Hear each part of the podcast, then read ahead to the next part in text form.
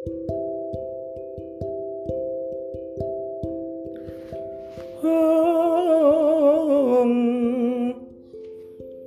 tuntum pelelumot ong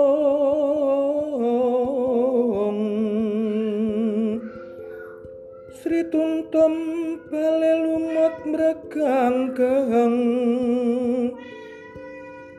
Aja sira nangis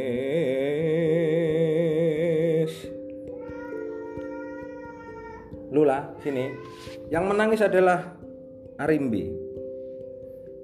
Menangisi anaknya Gatot Kaca yang yang yang dia tahu dia seorang bocah yang direnggut oleh dewa-dewa lalu sehari kemudian pulang dalam sosok yang tidak lagi dia kenali. Karena hanya dalam tempo sehari dia pulang sudah dalam sosok pemuda usia belasan yang gagah perkasa yang seluruh tubuhnya seakan-akan seperti terbuat dari logam Arimbi hanya mengenali sorot mata anaknya itu. Masih sorot mata seorang bocah. Tapi waktu kemudian berjalan seperti amat cepat. Tiba-tiba Gatot Kaca ini menjadi semacam mesin perang. Hari-harinya dipenuhi oleh kisah-kisah kemenangan, penaklukan, kisah-kisah tentang pertumpahan darah, kisah-kisah tentang bagaimana dia harus membela kehormatan negerinya di arena-arena pertempuran. Bagaimanapun juga meskipun Arimbi juga sudah menjadi bagian Kawulong Amarta, rakyat Amarta. Tapi dia tetaplah seorang ibu yang mengkhawatirkan anaknya. Mungkin bukan soal kekhawatiran akan kehilangan Gatot Kaca di medan perang, bukan itu. Tapi Arimbi tidak mau kehilangan Gatot Kaca yang masih hidup. Apa gunanya anaknya itu tetap hidup, tapi di mata Arimbi dia bukan lagi Gatot Kaca yang dia kenal.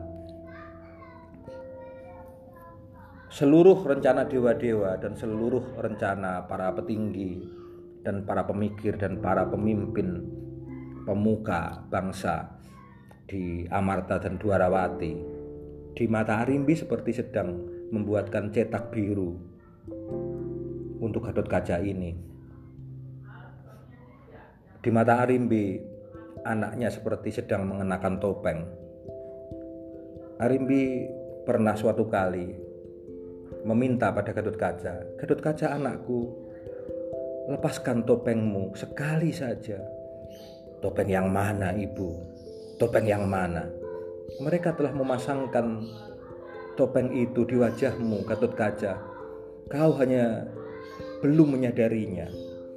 Mereka begitu pintar meletakkan topeng itu di bawah kulit di atas daging. Ini bukan wajahmu, Gatot Kaca. Ini wajahku, Ibu. Anakku, dengarlah. Kau separuh raksasa. Ibumu ini adalah keturunan raksasa Pringgadani. Leluhurmu di Pringgadani adalah para raksasa. Memang benar, leluhurmu di Amarta adalah para pertapa. Tapi kau adalah contoh sempurna betapa antara pertapa dan raksasa bisa berjodoh dengan sedemikian serasinya Gatot Kaca, maka jangan hilangkan salah satunya. Ibu merelakan taringmu dipotong oleh dewa-dewa, tapi darahmu, darahmu Gatot Kaca,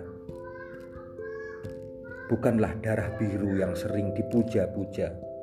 Bukan hanya itu, tapi ada juga darah merah raksasa Pringgadani.